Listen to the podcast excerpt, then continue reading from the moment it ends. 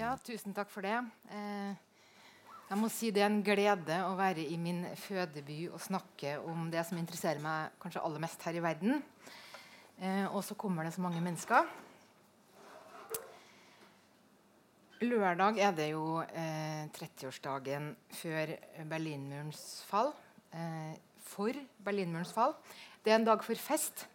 Men det er også en dag da tyskerne spør seg selv om hvor vellykka har egentlig gjenforeninga av øst og vest vært. Det skal vi gå litt inn på. Og vi skal også heve blikket og se litt på øst-vest-skillet i hele Europa. Men først så må vi gå litt tilbake i tid. Det er alltid et slags dilemma når man skal ta for seg noe historisk. For når er det egentlig noe begynner? Eh, Berlinmuren ble bygd i 1961. Men for å skjønne eh, hva som lå bak, så må vi i hvert fall tilbake hit. Tyskland og Hitler hadde starta andre verdenskrig da de invaderte Polen 1.9.1939. Og Hitlers ambisjoner for krigen det var jo å utvide territoriet og utrydde Europas jøder. Og Berlin det skulle bli en storslått hovedstad i et gigantisk tredje rike. Sånn gikk det jo ikke. Derimot ble Berlin lagt i ruiner av de allierte. Og man tenker at sånn 70-80% av byen var knust. Eh, og Det er det vi ser på dette bildet. Det, dette er Berlin 1945. Eh, vi kjenner jo igjen Brandenburger Tor. Og her er det da fra vest og østover. Og den brede gata er da Unter den Linden. Eh, og da får anledningen uten et eneste lindetre. Høyere. Da tror jeg man må gjøre noe med teknikken, kanskje. Men det er jo litt viktig det at alle hører meg. Er det bedre enn nå? Nei. Er det noe man kan gjøre med dette? Skal jeg gjøre noe? Er det bedre enn nå?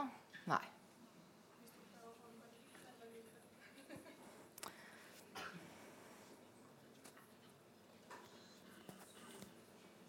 Sånn.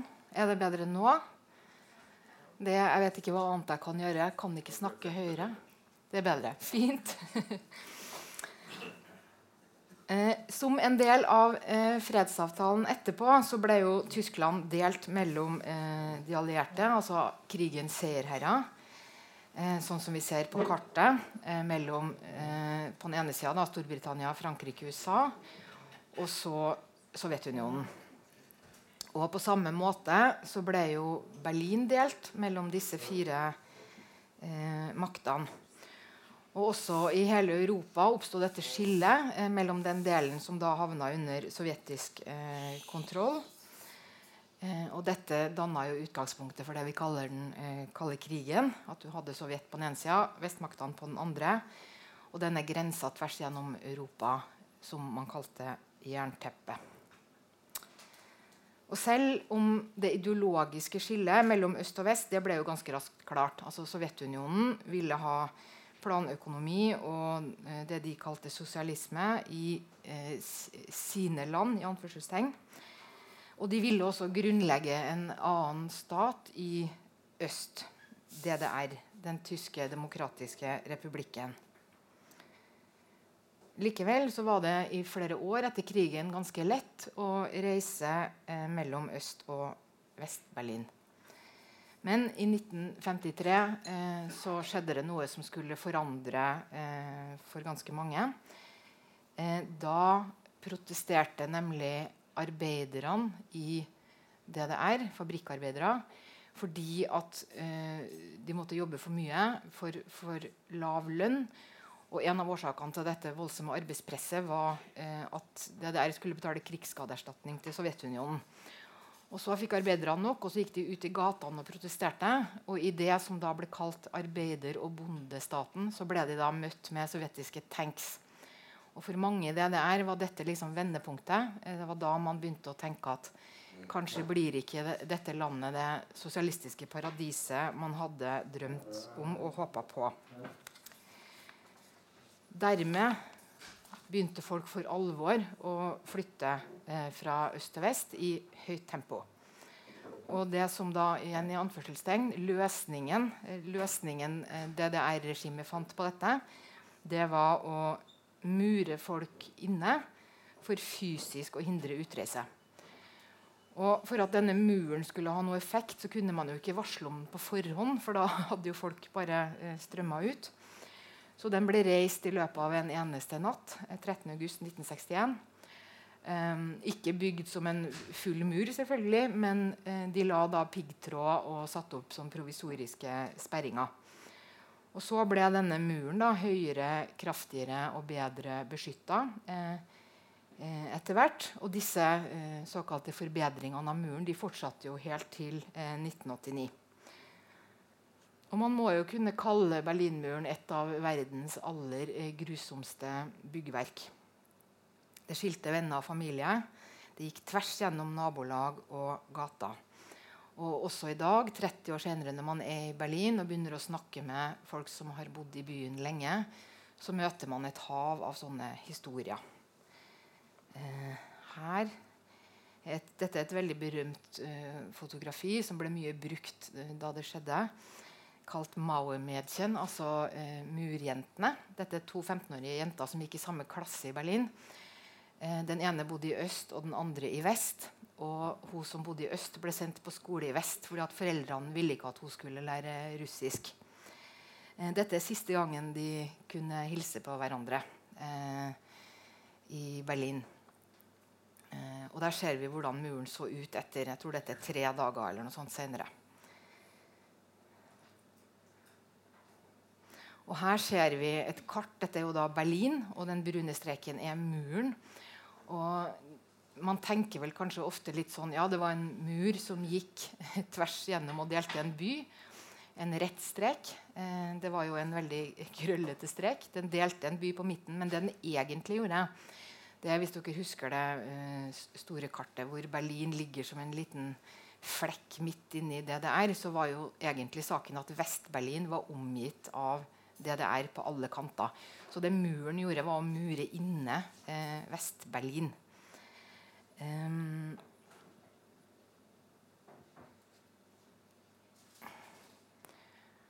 Fluktforsøkene var mange. Eh, dette er var et av de tidlige og et av de mest kjente. Dette er Peter Fechter. Han var 18 år. Han prøvde å flykte over muren i 1962. Han ble skutt på og skada. Og så lå han i en time og hyla. Eh, veldig hardt såra. Ingen turte verken fra øst eller vest å gå og hente han, fordi man visste ikke om man da ville bli skutt selv. Etter en time så la de en sånn, eh, altså eh, det der soldatene la en sånn kunstig røyk over scenen. Det er det vi ser litt på det bildet. Og Så gikk de og henta han og frakta han til et sykehus, men der døde han eh, like etterpå. Og Midt på 90-tallet, altså etter at muren godt og vel var falt, så ble to som skjøt på han, faktisk dømt i retten eh, til omtrent halvannet års fengsel eh, hver. Og dette var noe, eh, noe av det, det man kunne ta folk på etter at det der var lagt ned. Eh, det var de som hadde skutt, og de som hadde befalt at man skulle skyte. Flere av de ble straffa for akkurat det.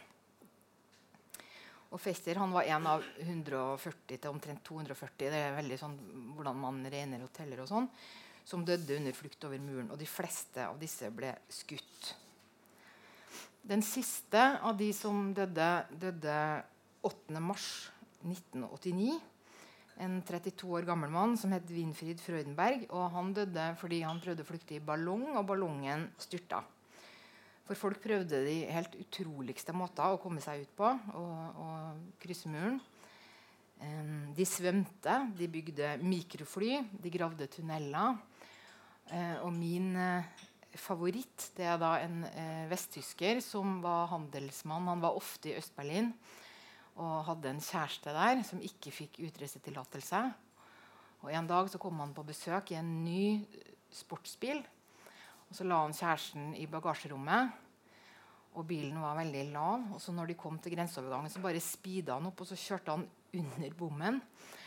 Og De skjøt etter dem, men traff heldigvis ikke. Og Senere eh, så bygde de sånne betongklosser foran disse overgangene, da, så ingen skulle kunne gjenta dette eh, kunststykket.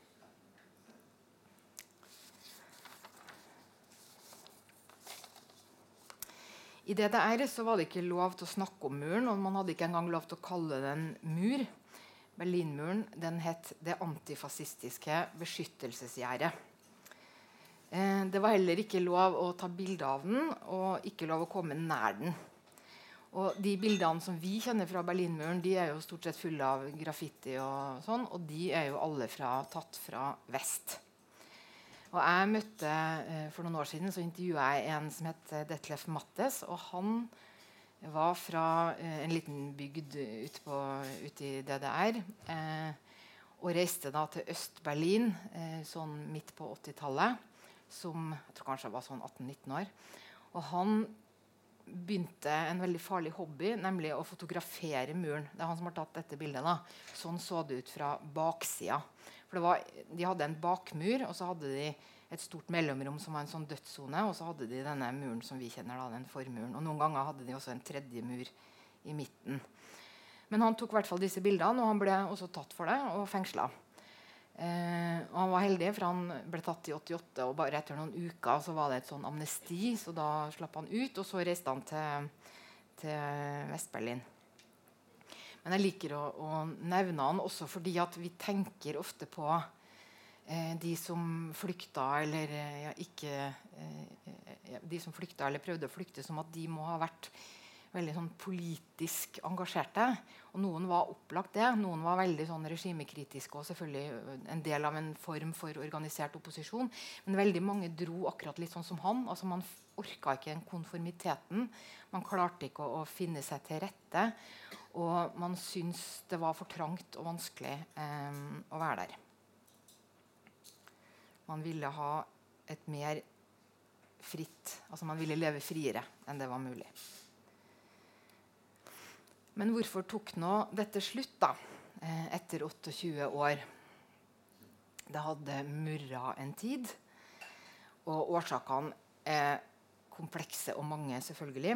Eh, noe handler om eh, storpolitikk, og noe handler om hva som hadde skjedd i Polen.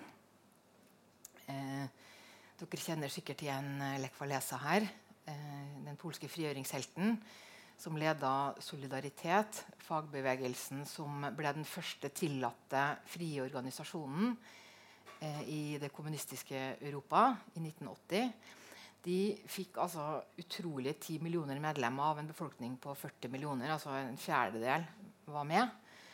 Og eh, de utøvde et voldsomt trykk på systemet. altså både Først og fremst selvfølgelig i Polen, men også indirekte da, på Moskva og på eh, andre land som så hva som skjedde, og lurte på hva som skulle skje. Og til, etter et drøyt år så ble jo også trykket så høyt at det, organisasjonen ble forbudt. Og så innførte Polen unntakstilstand. Men det var på en måte eh, kjørt smått om senn. Og de klarte å presse fram forhandlinger med kommunistregimet i Polen på våren 89. Og så av, ble det avholdt et sånt første frie valg 4.6.89. Um, bildet i midten er fra uh, litt senere i juni. Da er det altså den, nei, den østerrikske og den ungarske utenriksministeren som møtes for å bokstavelig talt klippe hull i jernteppet. De har sånne store tenger og klipper da over denne eh, grensegjerdet mellom Ungarn og, og Østerrike. Og det siste bildet viser da Mikhail Gorbatsjov, altså som, som, var den nye lederen i Sovjetunionen, og som signaliserte andre toner enn før. Nå skulle de forskjellige landene eh, Øst-Europa få eh, ansvaret for seg selv. Eh, og han signaliserte en viss liberalisering. Eh, både internt og da i, i, den delen av verden der de hadde makta.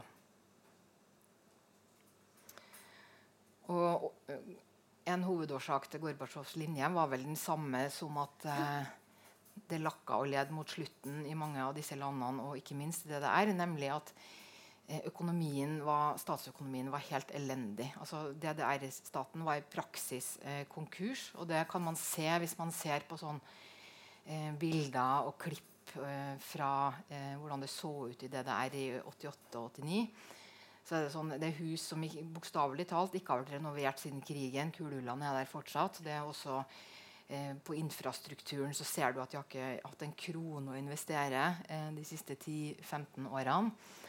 Og en annen eh, veldig makaber måte dette ytra seg på, var jo at fangene i Stasi-fengselet ble jo brukt som eh, arbeidskraft. Annet var det en sak om at Ikea hadde kjøpt arbeidskraft fra dem. Men enda mer eh, grotesk er jo at de solgte blod fra fangene til utlandet. Det sier bare noe om at staten eh, var på en sånn evig jakt etter hvordan skulle man få noe dollar, altså noe vestvaluta inn som gjorde at de kunne klare seg. Så det gikk eh, veldig dårlig. Det måtte briste, og det gjorde det.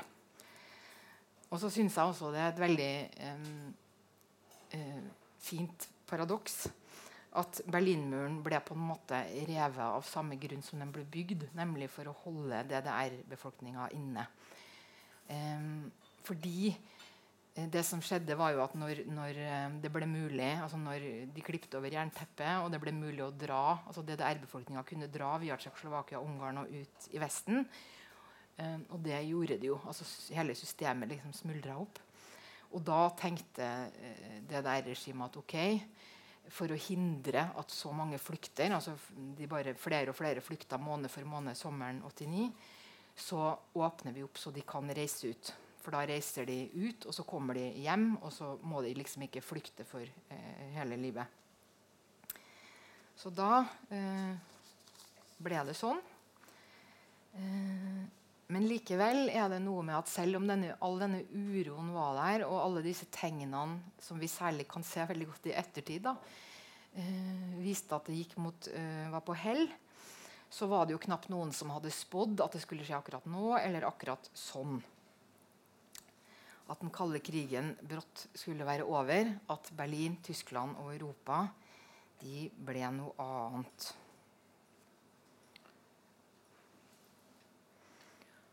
Og så sier man jo gjerne da ja, Tyskland eh, eh gjenforent, ble gjenforent, eh, Europa ble helt. Og så ser man kanskje da for seg to på en måte likeverdige deler eller størrelser som smelter sammen til en sånn harmonisk helhet. Og akkurat sånn har det jo eh, ikke vært. Eh, tidligere tyske innenriksministeren Thomas de han sa det at eh, det er i Vesten er det bare postnumrene som har forandra seg. Alt annet har øst stått for. Og det er jo sant.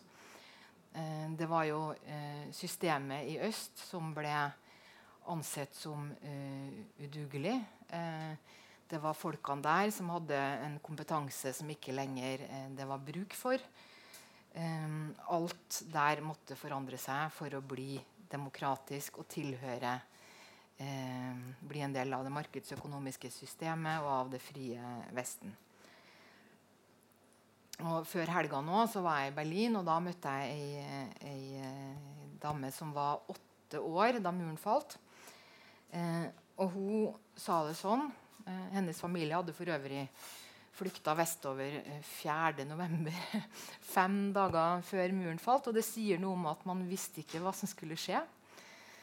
Eh, og Hun sa det sånn at alt i livene til oss som kommer fra øst, det er delt i to. Det er før, og det er etter. Og det som er før, det snakker vi nesten ikke om. Det ligger et slags stigma i det å komme fra øst. En utilstrekkelighet.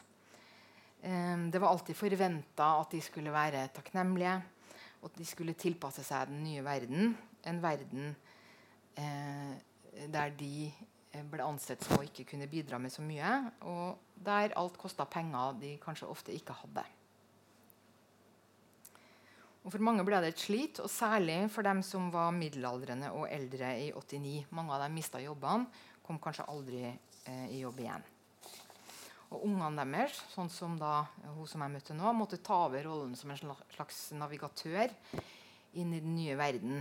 Eh, og Det er en sånn type mekanismer som vi ofte ser hos innvandrere og flyktninger. Andre derimot klarte seg jo over all forventning. Angela Merkel er for meg det store symbolet på det nye Tyskland. Jeg har jo også skrevet en biografi om henne. Eh, hun var på en måte pioner på så utrolig mange felt. Altså, hun var den første kvinnelige kansleren, den, den uh, yngste noensinne. Um, den første fra uh, Og no, ikke minst da, den første fra DDR. Og også Angela Merkel kryssa faktisk muren den 9. november uh, 1989. Um, hun var jo utdanna naturviter og jobba som forsker. Uh, bodde i Øst-Berlin. Og var ekstremt talentfull og vellykka i den karrieren. Eh, hun var 35 år i 89.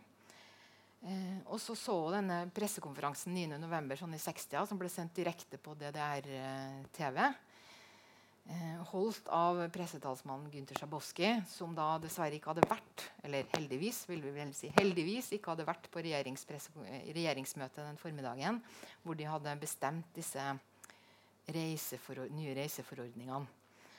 Eh, nettopp dette at folk skulle få lov til å reise ut og inn, og man måtte finne en ordning.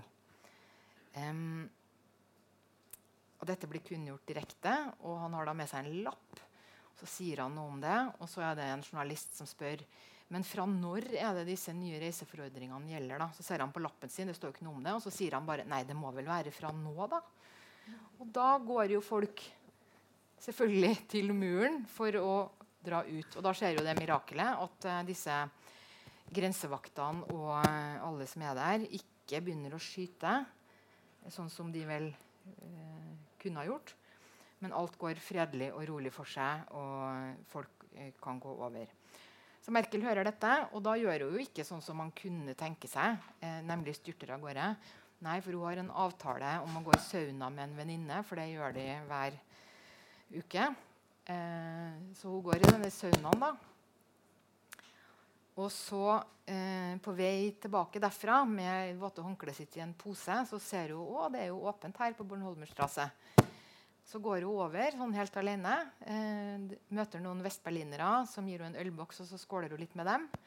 Og så drar de andre videre for å danse på Korfyrstendam. Men Angela Merkel hun rusler tilbake hjem igjen, for hun skal jo tidlig opp og på jobb dagen etter. Merkel levde altså i et eh, diktatur til hun fylte 35 år. Og lærte på en måte demokrati på vei inn i regjeringa. Hun satt i den første regjeringa etter, etter landet var gjenforent. Um, uh, så hun brukte altså mindre enn et år på å uh, være naturviter og komme uh, i, inn i vest til å havne i regjering. Det må man jo kunne kalle en kometkarriere.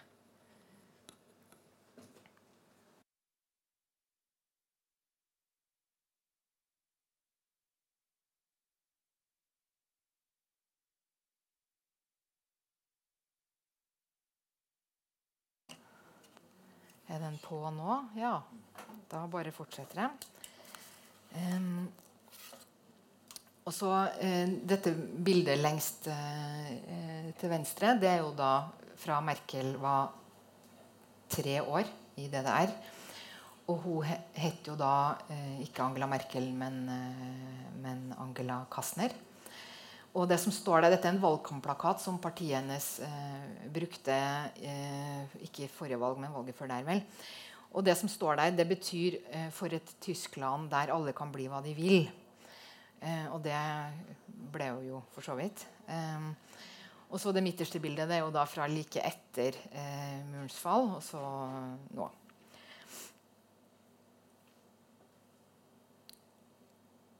Så satt hun i denne regjeringa Kohl, satt i en regjering til, så ble hun partileder, og så ble hun kansler i 2005. Og hun kom til makta på et veldig gunstig tidspunkt etter gjenforeninga. Og eh, så måtte jo Det kosta jo dyrt. Det var jo en stor og komplisert og kostbar prosess. Eh, arbeidsledigheten var veldig høy. Tyskland ble jo kalt Europas sykemann sånn rundt, rundt 2000. Og så gjorde sosialdemokratene og daværende kansler Gerhard Schrøder en rekke økonomiske reformer som var så upopulære at uh, han ikke ble gjenvalgt. Men så ble Merkel valgt akkurat når alt snudde. og, og, konjunkturene har bare gått i én retning i hele hennes tid. Arbeidsledigheten har minska, veksten har vært der. Uh, og Tyskland og Berlin har igjen blitt uh, Eller ikke igjen, det må man virkelig ikke si. Tyskland og Berlin er, har blitt Europas økonomiske og politiske eh, sentrum. og jeg tenker jo det at sånn i fremtida nå vi se hva som skjer, men i fremtida at hennes æra vil bli stående som en slags sånn gullalder. At det var da det nye Tyskland fikk satt seg. En stabil tid prega av fremgang og velstand. Og fordi Tyskland har dette både øst og vest, og fordi Angela Merkel har denne, eh, denne kontrasten i seg selv, og fordi Tyskland ligger der det ligger, mellom øst og vest, så tenker jeg på en måte at hele landet og Merkel har vært en slags bro mellom disse to samfunnssystemene som sto så steilt mot hverandre i alle disse årene med den kalde krigen. Hun har sittet ved makta i 14 år, og neste valg er om to år. Og det blir hennes siste, har hun sagt. Eh, hvis hun nå varer så lenge. Um, men hun er fortsatt landets mest populære politiker. Eh, men hun har også blitt veldig omstridt. Og særlig i det østlige Tyskland så har hun blitt en, veldig sånn polariserende person. Det, det, henger først og fremst sammen med eh, flyktningkrisen i 2015-2016. Um, hun er veldig sterkt mislikt av Mislikt er litt for svakt ord. Avskydd av Alternativ eh, for Tyskland, altså dette høyrepopulistiske partiet som ble stifta i egentlig 2013 som et slags uh, et anti-europarti som først og fremst var opptatt av økonomi. Dette var jo Hellas-krisen og sånne ting. Uh, men som fikk ny vind i seilene og ble et anti-innvandringsparti eh, og vokste etter hvert. Og de Altså AFD mener jo at eh, Angela Merkel har uh, skylda for flyktningkrisa, og at uh, innvandring og islam ødelegger landet. Mens andre, altså ikke minst i Angela Merkels eget kristelig-demokratiske parti, de gir jo derimot skylda for at AFD har blitt så store. Um, og det er jo indirekte med samme type forklaring. altså at hun lot syrere, irakere og andre komme inn i landet i 2015-16. Og dermed, ved å gjøre det, da, ga grobunn for et sånt innvandringsfiendtlig parti. Og dette her, altså Hvem har skylda for AFD sin vekst? Hvem har skylda for flyktningkrisen? Eh, hvem har ja, det er mye man har eh, det er veldig mye man diskuterer nå fordi regjeringa har blitt så utrolig svak. Eh, dette debatteres heftig hele tida i tysk politikk nå. Og ikke minst fordi at i år har det jo vært, eller i høst har det vært tre delstatsvalg i det østlige i øst.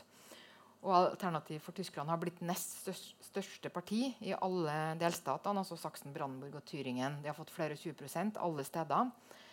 Eh, mens i vest så ligger oppslutninga om AFD på sånn 12-13 Og der er det De grønne som har vokst og tatt opp i seg eh, misnøyen med den sittende regjeringa. Den sittende regjeringa er jo en storkoalisjon, som man kaller det. altså Sosialdemokratene og Kristeligdemokratene regjerer sammen, og det har de gjort i veldig mange år.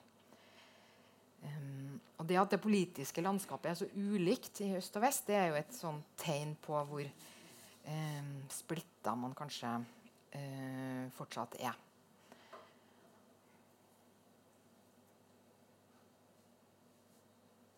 Det pågår um, også en uh, debatt uh, litt sånn i kjølvannet av denne AFD-veksten i, i, øst, men også selvfølgelig fordi det er 30 år siden murens fall. Eh, og alltid i Tyskland er det sånn at når det kommer sånne runde tall for historiske hendelser, noe det gjør hvert eneste år, ganske mange faktisk, men da diskuterer man gjerne akkurat disse temaene. Og nå diskuteres dette. Og det man debatterer, det er veldig mye sånn Ble gjenforeninga gjort riktig? Eh, eller ble, var det egentlig sånn at vest bare spiste opp øst? Eh, I øst det er bare en, omtrent en femtedel av befolkninga. Altså det er en, absolutt en klar minoritet. Og når man ser på sånn økonomisk statistikk, så er det fortsatt sånn at det er lavere lønninger i øst. Ikke, forskjellene er slett ikke så store som de har vært, men det er forskjeller. Det samme gjelder pensjoner. Og så har man en sånn problemstilling som kanskje er den vanskeligste å angripe, nemlig at i Vest-Tyskland eh, så har arv eh, Arv spiller ut stor rolle, privatøkonomisk rolle. Eh, og der har man jo selvfølgelig, i hvert fall siden krigen og ofte også lenge før det, eh, økt arv og formue for veldig mange mennesker i, i, hvert eneste ledd. Mens i DDR så begynte man jo, eller i, i det som var DDR, så begynte man jo på null. Så de har ikke noe arv. Og, og dette gir utrolig store utslag, eh, både sånn privatøkonomisk, men også når du ser på en del sånne eh, strukturer, hvordan samfunnet er. Likevel så tror jeg dette kartet som jeg viser her, eh, peker på den aller viktigste faktoren, nemlig fraflytting og eh, det at folk er mye eldre i øst. Dette henger jo selvfølgelig sammen. Um, for det, er det som har skjedd, det er jo at når folk kunne dra til vest, så gjorde mange det. Og det var jo ofte de yngste som dro. Eh, de som hadde høyest utdannelse, kanskje. De som ville til byene. Det er også noe med at byene i Tyskland ligger i veldig liten grad i øst. Um, og man kan se det så veldig tydelig da, at med unntak av området rundt Berlin, så er, er det fortsatt som å se eh, eh, jernteppet gå gjennom Tyskland når man ser på dette. Um, og det er jo ydmykende da, å være så uattraktiv. Det, at det at En ting er sånn uh, Man bor kanskje i en liten landsby hvor bussen har slutta å stoppe. Det fins ikke lenger en fastlege. Uh, og, de, og, man ser liksom at uh, de unge drar sin vei. Bitterheten brer seg, og sånn håpløshetsfølelse, sinne og frustrasjon, det smitter.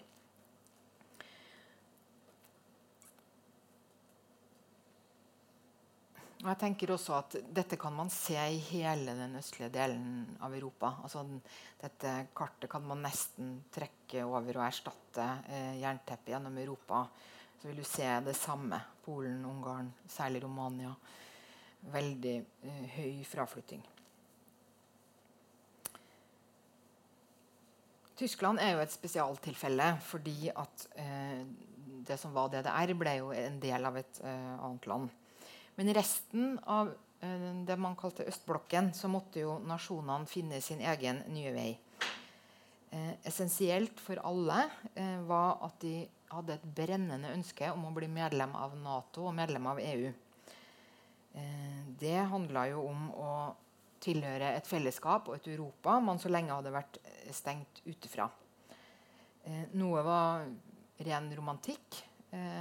noe var et veldig klart ønske om sikkerhet. Ikke så rart når man tenker på hvilken rolle eh, Sovjetunionen hadde spilt. Eh, og det var også et ønske om eh, velstandsvekst, selvfølgelig. De fleste ble jo med i 2004.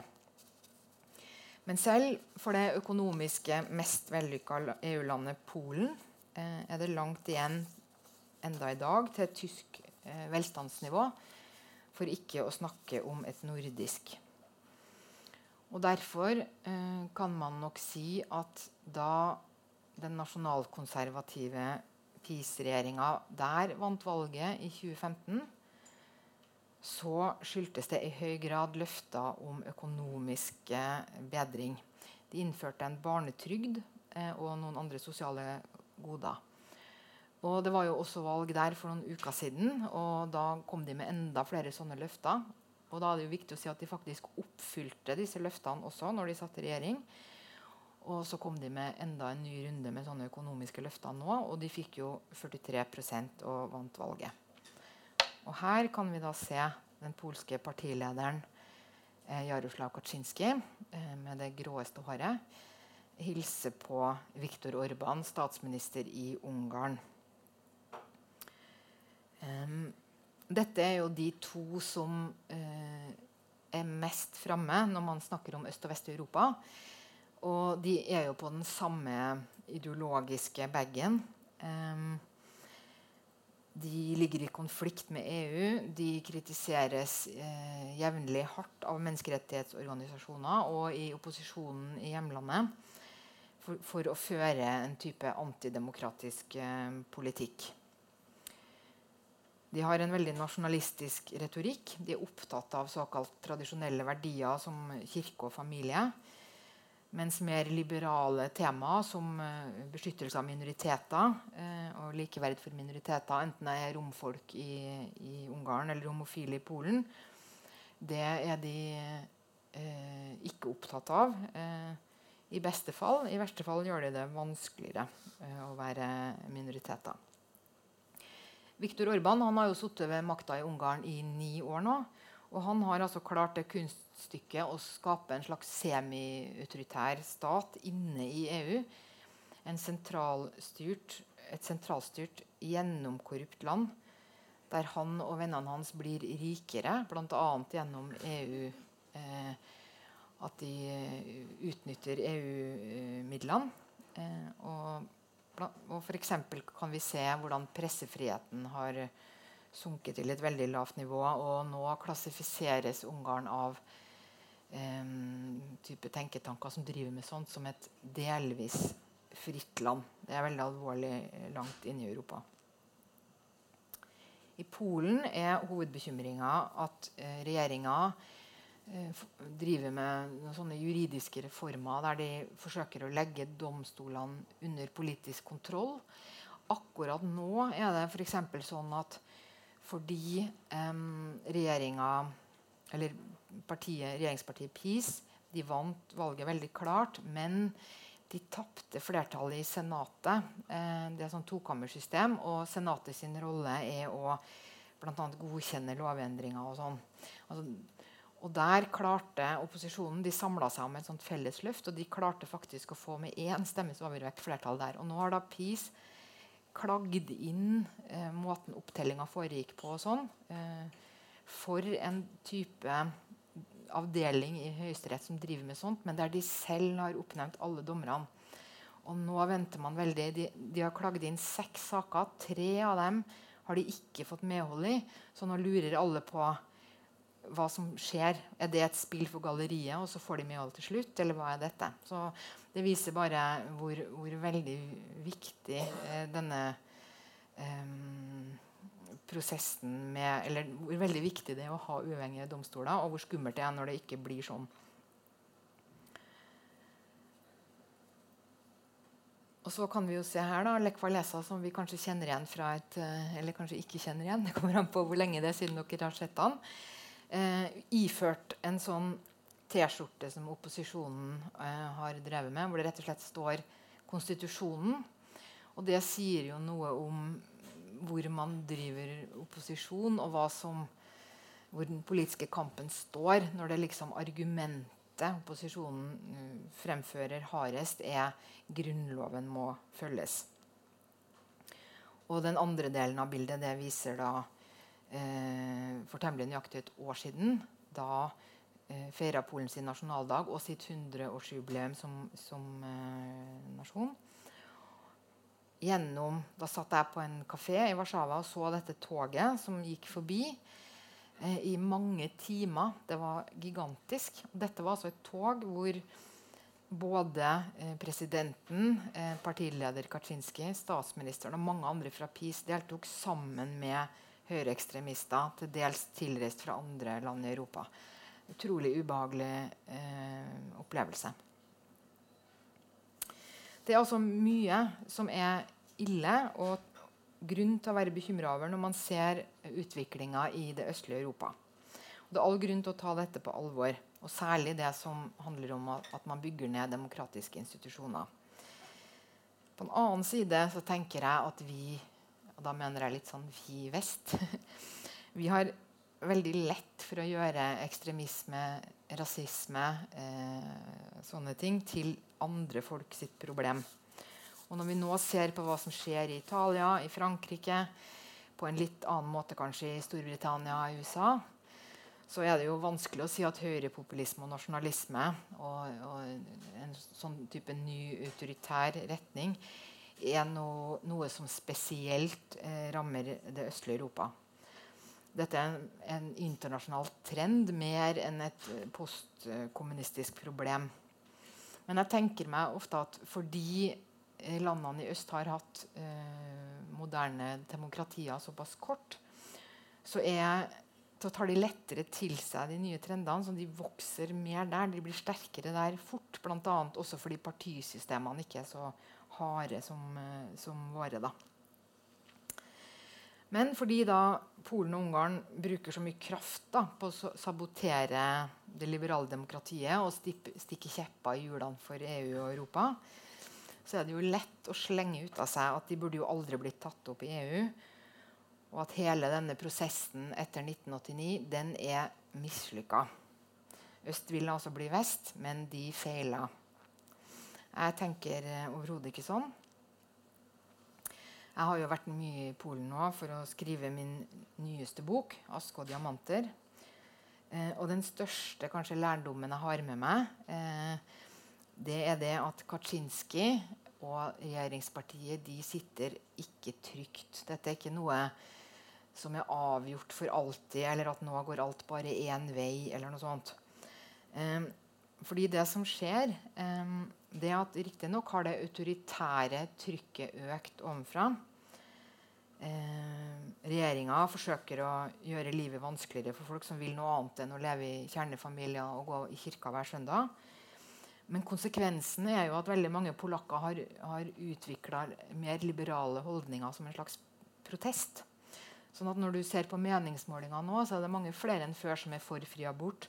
Over halv, halve befolkninga støtter nå likekjønna partnerskap, helt nytt i Polen. Eh, og det er, det, det er det, denne fine kollasjen som jeg liker å vise fram av en polsk kunstner som heter Alicia Biala. Da ser du liksom hvordan Kaczynski svever over vannene i sin, eh, med det nasjonalsymbolet. Og under så svømmer opposisjonen i form av eller i form av eh, de som ønska en friere abortlov, som det har vært veldig store protester i, i Polen for. Jeg vil si De som ikke vil ha en strengere, er riktigere å si det. da. De svømmer under båten med haifinna på ryggen, og før eller siden så går jo dette galt for Kaczynski. da. Men politiske prosesser tar veldig lang tid. Eh, og man må bare ta det litt eh, Akseptere at eh, forandring er eh, krevende. Og ikke minst når man allerede har gjennomgått så utrolig harde og kjappe og vanskelige forandringer eh, på 90-tallet.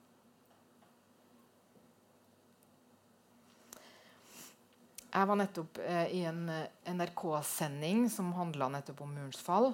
Og Da hadde jeg med meg en huskelapp, og da hadde jeg skrevet 'glede' med store bokstaver på denne lappen som jeg hadde med meg i studio. Men likevel så ble det til at vi bare snakka om sånt som jeg hittil har snakka om i dag. Høyrepopulisme, splittelse mellom øst og vest, rasisme, økonomiske ulikheter, øh, vanskeligheter. Gleden ble det slett ikke noe plass til, sånn som det ofte blir i nyhetsbildet. Men det er faktisk veldig feil å ikke snakke om gleden når man snakker om murens fall. For selv blant de som i dag eh, er kritiske, sinte, misfornøyde eh, og lever i det som en gang var eh, kommunist, eh, kommunistiske land, så er det jo knapt noen som heller ønsker at muren skulle blitt stående, og at den kalde krigen skulle fortsette. Riktignok er det mange fra øst som ikke har fått det sånn som de drømte om. Men drømmene om Vesten var også ofte urealistiske. En venn fra Slovakia han fortalte meg at eh, han, de ante ikke at det fantes arbeidsledighet i vest, eller at vi hadde narkomane. Og for alle de som var unge da muren falt, barn, eller kanskje ikke engang født, for dem har jo livet bydd på muligheter som tidligere overhodet ikke fantes. Som en østtysker sa til meg ja, det har vært utrolig hardt for oss å måtte tilpasse oss, tilpasse oss så mye. Men i det minste har det nå vært noe veldig bra vi har tilpassa oss til. Så mye kunne vært gjort bedre, mye kunne kanskje vært gjort annerledes. Men ingen hadde jo tidligere bygd ned eh, sånne diktaturer. Eh, og ingen hadde tidligere gjenforent et land. Og når jeg føler meg bekymra for utviklinga i Europa og i verden, så tenker jeg alltid på hva en dame som er på min egen alder, altså sånn 20 år da muren falt, sa til meg for mange år siden. For hva lærte vi av murens fall? Jo, vi lærte at alt er faktisk mulig.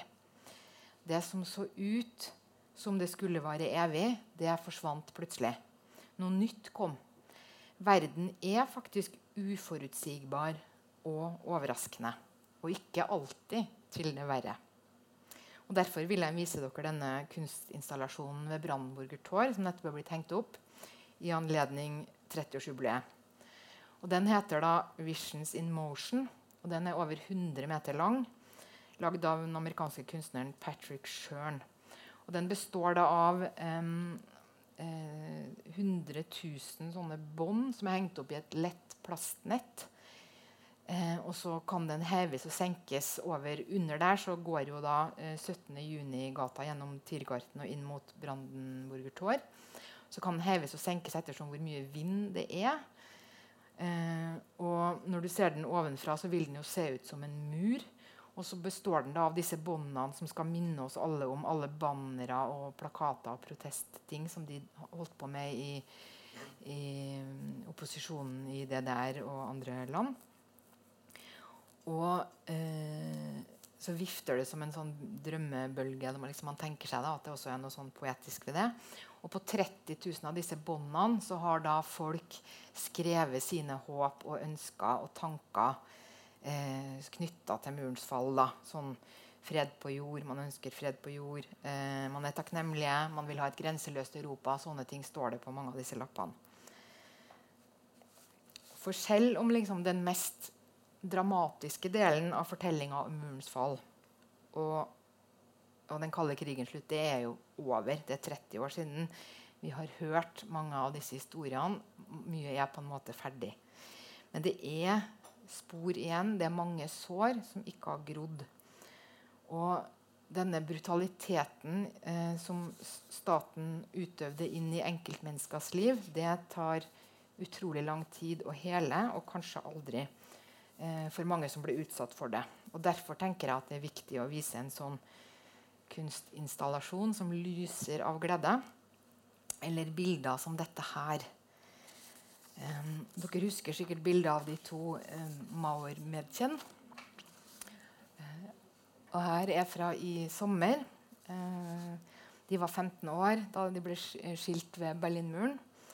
Og nå traff de hverandre igjen. Uh, Rosmarie Badatsjevskij og Krimhild Meyer heter de. Eh, og Det var en historiker som spora dem opp, og en avis som ordna at de skulle stå på akkurat det samme stedet som det bildet ble tatt.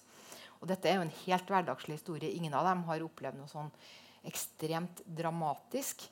Men det er en historie der man kan føle at nok et bitte lite sår fra Berlinmuren og den lange, kalde krigen har grodd. Det var det jeg hadde tenkt å si. Eh, takk for meg. Og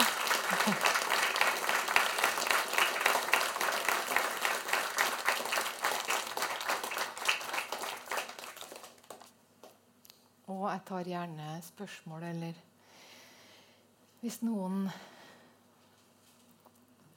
lurer på noe. Jeg syns det er så rart det du sier om um det er ikke så rart, men altså alternativ for Tyskland, AFD og, um, og Mye av den høyreorienterte protesten som du nå får i øst, gamle Øst-Tyskland, delvis nazisme, fascisme, gateslagsmål osv. Det ville jo vært naturlig at det var uh, hva skal jeg si, uh, en venstreopposisjon som ville tilbake til det gamle kommunistiske. Det var jo masse mennesker som syntes at det var veldig bra, for alle hadde barnehageplass, og alle hadde fri skolegang og fri helsehjelp osv. Men så har det slått helt den andre veien. Kan du forklare det? Um, jeg, kan, jeg, kan, nok ikke forklare det helt. Men, men uh, altså, grunnen til at, at Alternativ for Tyskland har blitt så store i øst, det er vel fordi at um, det, det, er jo en, det, er det optimale protestpartiet, da, tenker jeg. Det er det som er mest anti-establishment. Altså De Linke har jo vært altså Venstrepartiet, som er en slags delvis videreføring av det gamle kommunistpartiet. Kanskje ikke så mye nå lenger, men det har hekta ved dem i veldig mange år. De har jo også vært veldig store i øst. Eh, de går ned nå, eh, bortsett fra i Tyringen, hvor de nettopp eh, ble største parti i delstatsvalget. faktisk. AFD er nest størst. Der klarer det jo ikke, ingen som, som, skjønner hvordan man skal få noen regjering der. Men det er en annen sak.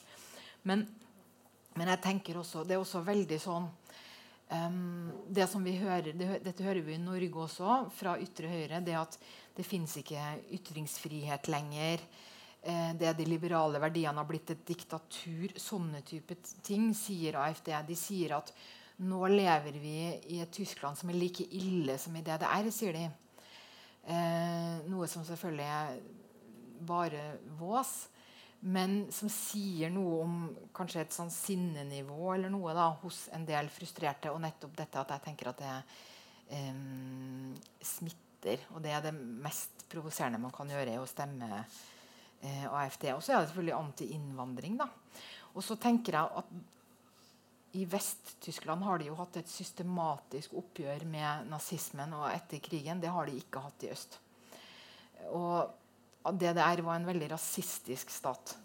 Og man hadde jo f.eks. Um, spesielt type samarbeid med eh, Angola og det ene Vietnamen. Og glemmer alltid hvem som var hvem.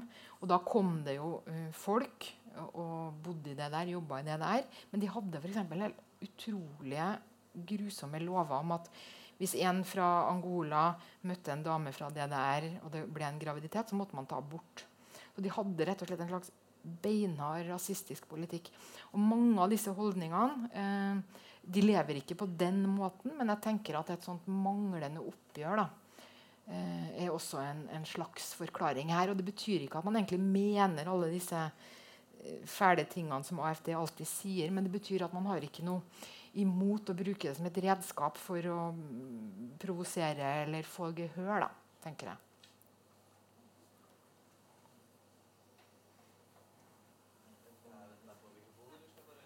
Ta mikrofonen, Du kommer òg. Skal vi se. Ehm, Øst- og Vest-Tyskland er jo fortsatt veldig delt når vi både ser på infrastruktur, økonomi og politikk. Eh, og befolkningsveksten i Øst-Tyskland som du sa, er jo veldig mye lavere enn den er i Vest-Tyskland. Så derfor får vi jo en økt eldrebølge i Øst-Tyskland. Um, tror du at Øst-Tyskland kommer til å greie å ta igjen Vest-Tyskland når vi ser på infrastruktur og økonomi uh, og sånne ting? Og i så fall hvorfor? Hvordan skal de gjøre det? Altså, jeg tenker Nei, kanskje aldri egentlig ikke. Altså, nei, det var en veldig rar setning. Men, jeg, men kanskje, klarer, kanskje, kommer det aldri en gang hvor man kan se på hele Tyskland, og så er alt jevnt fordelt utover av, av sånne uh, indikatorer man bruker for å måle. Da. Men jeg tenker at det handler også ganske mye om at det, at det er land altså Stort sett landsbygd i øst, og ikke så mange store byer. Og at denne by-land-problematikken er også veldig sterk. Eh, og det vil jo gjøre at selv om man tenker seg at alle sporene etter øst og vest eh, blir delinga blir borte, så vil likevel den østlige delen ligge langt bak fordi det er så mye mer eh, landlig. Og de store eh, byene og urbane sentrene, og der hvor folk eh, mest bor og har uh, hvor arbeidsplassene er flest, det er i vest. Så det tror jeg er en sånn ting. Og så tenker jeg også at eh, de, når de som altså Dette er sånn generasjons altså Enda er det kanskje sånn at liksom, andre verdenskrig slutta i 1945. Og når slutter man på en måte å være prega av de erfaringene? Og da, det er kanskje når de som husker krigen, ikke lenger lever. Og kanskje må man så langt også, tenker jeg, før eh, eh, denne eh, kulturelle forskjellen, eller hva man skal kalle det, da, erfaringsforskjellen, det betyr en del for sånn at, at man da stemmer ulikt og tenker ulikt om hvordan eh, samfunnet skal være. Og noe veldig interessant er at det, det kom nettopp en sånn studie som viser at selv folk i Øst-Tyskland som er født etter murens fall, de føler seg som østtyskere. Og det er en type identitet som videreføres. Og det er en slags kulturforskjell, regionale forskjeller, som, som, det jo ikke er noe gærent i det hele tatt, men som er en konsekvens av at man er blitt forma av ulike systemer. Og dette tror jeg kommer til å vare.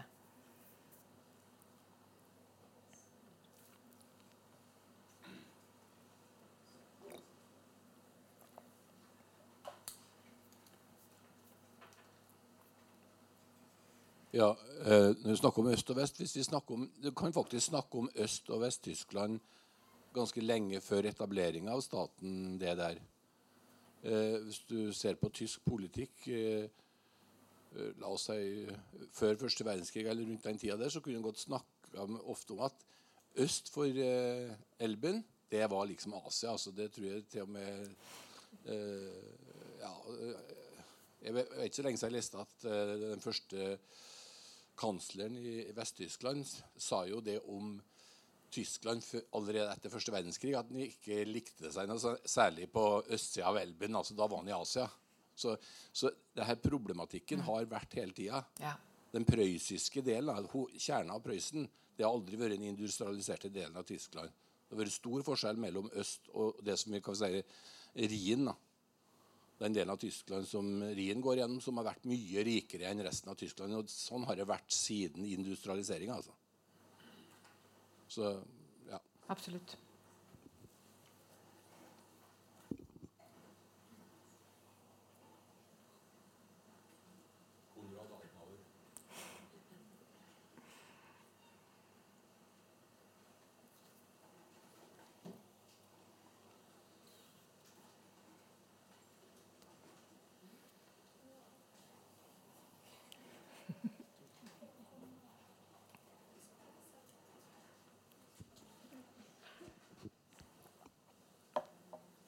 Du sa at um, øst ikke har hatt noe oppgjør med krigen. Er det fordi at de ser på seg selv som seiersmakt? Da? Jeg, jeg skjønner Altså som del av Sovjet? Ja, altså i det der etter krigen så var man opptatt av eh, Altså man hadde noe oppgjør med altså enkeltnazister eh, eh, som man tok. Men man brukte det også mer som et sånn vilkårlig Eller ikke vilkårlig, men et, et pressmiddel eh, mot de folkene man ville ta av andre grunner. Eller, og så lot man være å ta de man ville ha som stjerner i eget parti. og sånn, Så det var en veldig sånn instrumentell eh, behandling av, eh, av eh, de, de, mest kjente nazistene også. og så lagde man en, en eh, ja, hva skal man kalle det, minnekultur Eh, der man, det viktigste var jo å hylle Den røde armé eh, for innsatsen og, og, befrielsen. Og man klarte å lage sånn uten at altså, Det fins en skolebok eh, som ble brukt i skolen i det der, hvor det på en måte eh, hvor det sto nesten direkte at vi, våre tyskere, eller vi, hadde tilhørt Den røde armé noe som er bare tøys. ikke sant? Men man, selv om det stort sett ikke sto direkte. Eh, men det var en type sånn holdning som man indirekte spredde. da, At nazistene Og det var jo derfor Berlinmuren hette den antifascistiske beskyttelsesveggen. Gjerdet. At nazistene og de onde de hørte til i vest. Mens på en eller annen litt sånn vag måte eh, så var da tyskerne i det der de gode, da, eller i hvert fall hadde vært på riktig side, mer eller mindre. Det var fortellinga som ble overlevert. Og det gjorde jo også at man ikke kunne ta noe ordentlig oppgjør eh, og, og, renske ut. Man bare lot som noe, og så bygde man videre på det. Eh, ja. så, så der er liksom tidligere øst i dag enda i forhold til oppgjør og erindringskulturen?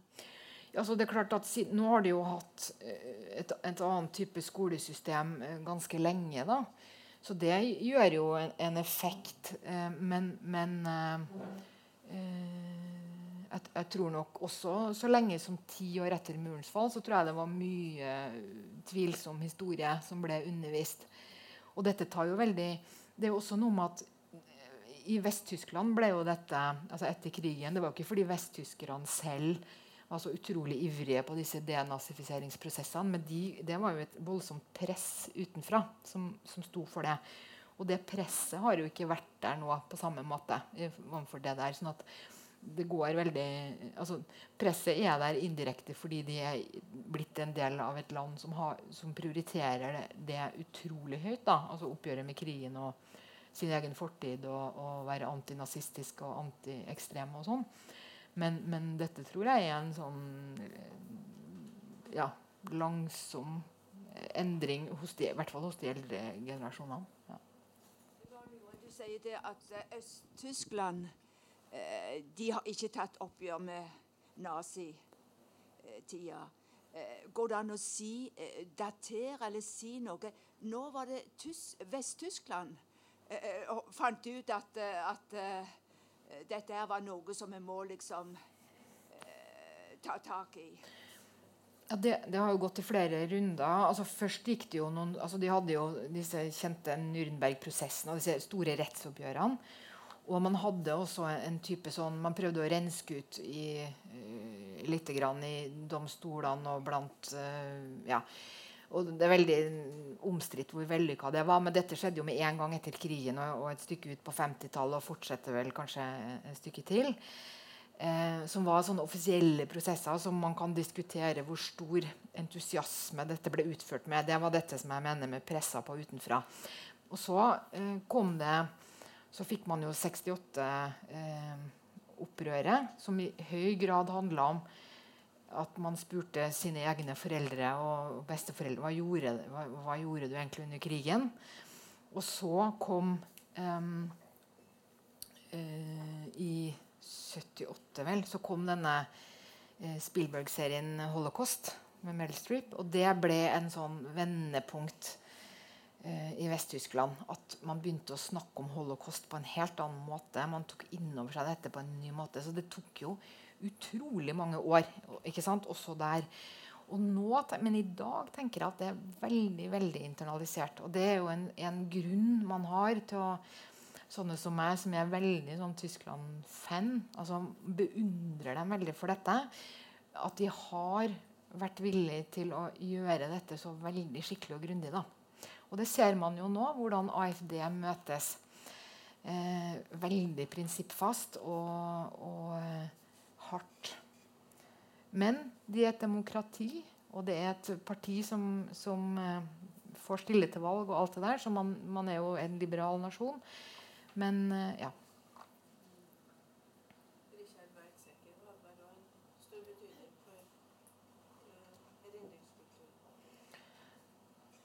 Ja, absolutt. Absolutt.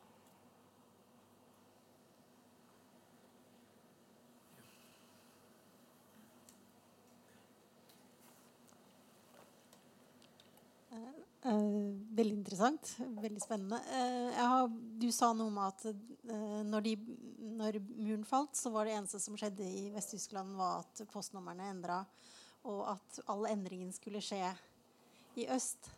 Og da tenker jeg hadde, hadde Vest da, for store forventninger til endringa at de ikke så at de sjøl også måtte endres for at de skulle møtes.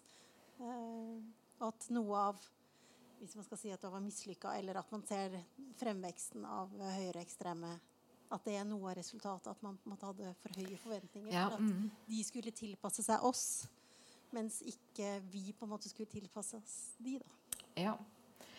Altså, ja, altså jeg tenker at det er jo um, det, der er, det er kjempekomplisert. for jeg tenker at ja, På den ene sida er det jo sånn at det er at man skulle jo ønske seg at det var en litt mer gjensidig prosess. Og det ville nok gjort det mye lettere for de som kom fra øst, å oppleve.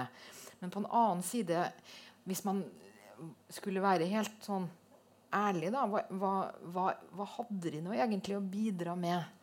De hadde et gjennomideologisert utdanningssystem. Det var masse som var vanskelig. Og I tillegg så kom det jo på en tid der det å kunne eh, industriproduksjon, eh, alt sånt, ikke lenger var like etterspurt. Og noen har jo ment at det nå kommer Eller sagt sånn halvvis humoristisk, litt, al litt på alvor, at nå kommer deres tid, den nye miljøbølgen. For er det noe de kan, så er det å reparere ting. Ikke sant? Gjenbruk. Det, dette er liksom Ja. Um, men jeg tenker at det er vest altså Uansett dette, da, det vest, vest og mennesker i vest i hvert fall kunne gjort, det var å være interesserte. Og der tenker jeg at man svikta utrolig. Og jeg syns det er veldig rart. Um, jeg, som selvfølgelig, jeg er jo veldig interessert i dette, har alltid, eller har vært det de, ja. men, men, dette at, at, det er mange som forteller meg dette, Hvorfor, hvorfor, ville ikke folk høre våre historier? Hvorfor stilte de oss ikke spørsmål? Eh, og også sånn på litt overordna plan. ikke sant? His, historien. Hvorfor dro ikke historikere strømma inn og skulle finne ut hva som egentlig hadde skjedd? Altså Det er mange sånne ting. Og det, Der ligger det noen internaliserte holdninger hos oss om at vi hadde på en måte fått dette inntrykket av at i østblokken var det en slags grå masse av land. Og det var liksom dårlig stelt, og så var vi ferdig med det. Og så uh, var vi ikke interesserte. Og så viser det seg jo selvfølgelig etter hvert at uh, det fins veldig mange grunner til å være interessert. Og jeg tror også at dette forandrer seg litt, heldigvis, etter hvert. Jevner seg ut. Ja. Jeg bare tenkte på det du sa, at det var ikke noe interesse fra vest. Og så begynner jeg å tenke nå 30 år etter at det begynner å gå tapt. Det er en historie som går tapt, som vi kanskje aldri får se. Vi skulle ha tatt tak i det. det jeg vet ikke om det er mulighet til å gjøre det nå, da, men ja. Det tenker jeg, det er slett ikke for sent. Altså. Det, det, de fleste lever jo heldigvis enda, og eh, de har jo også vært in, altså Selv har de jo vært interessert i seg selv, holdt jeg på å si, i hvert fall til en viss grad. Um, så det er fullt mulig. Men jeg tenker det er ja. Nei, så Det er veldig viktig. at man, eh, fordi det er jo noe med at de er også en del av Europa, og deres historie er også vår historie. For ikke å snakke om ja.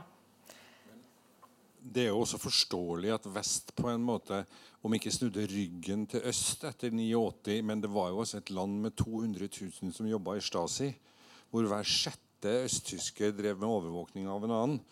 Og, og, det er klart at det er ikke så lett for en vesttysker i ettertid da, hva skal jeg si, vise respekt for det landet. Uh, for det var jo... så gjennomgripende korrupt og jævlig. Ja, Men man kan jo vise interesse og spørre hvordan var det å leve i en stat hvor du alltid ble overvåka? da? Eller hvordan var det å overvåke? Eller hvordan var du i Stasi, eller hva? Eller var mora di? Eller, ikke sant? Historien er der jo ja. Ja. Altså det å bare ignorere det syns jeg er en sånn litt rar uh, ja.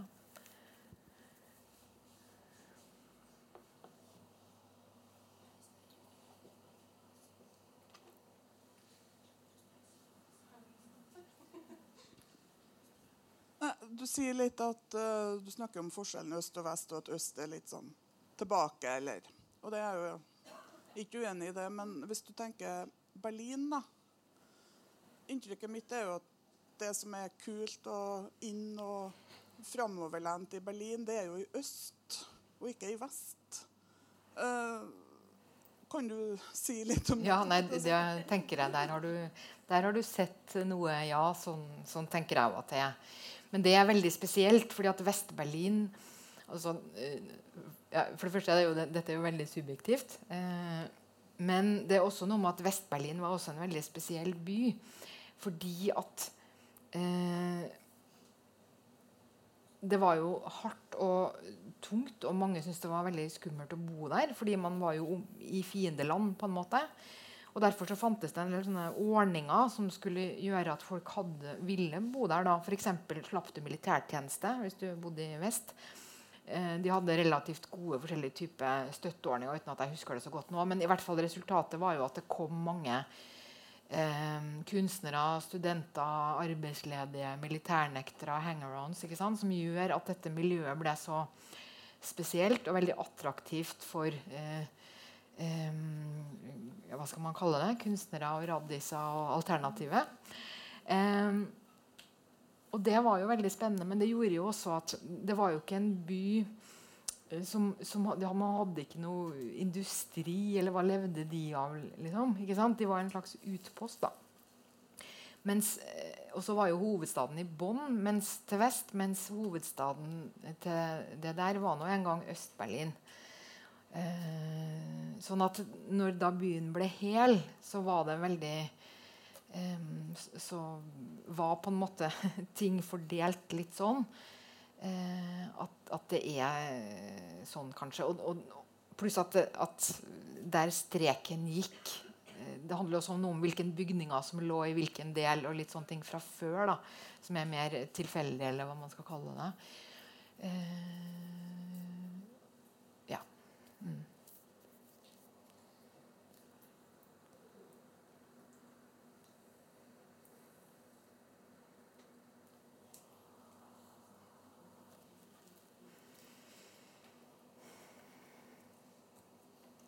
Ja, da er det jeg som skal si at, eh, at det ikke er flere spørsmål. Eller?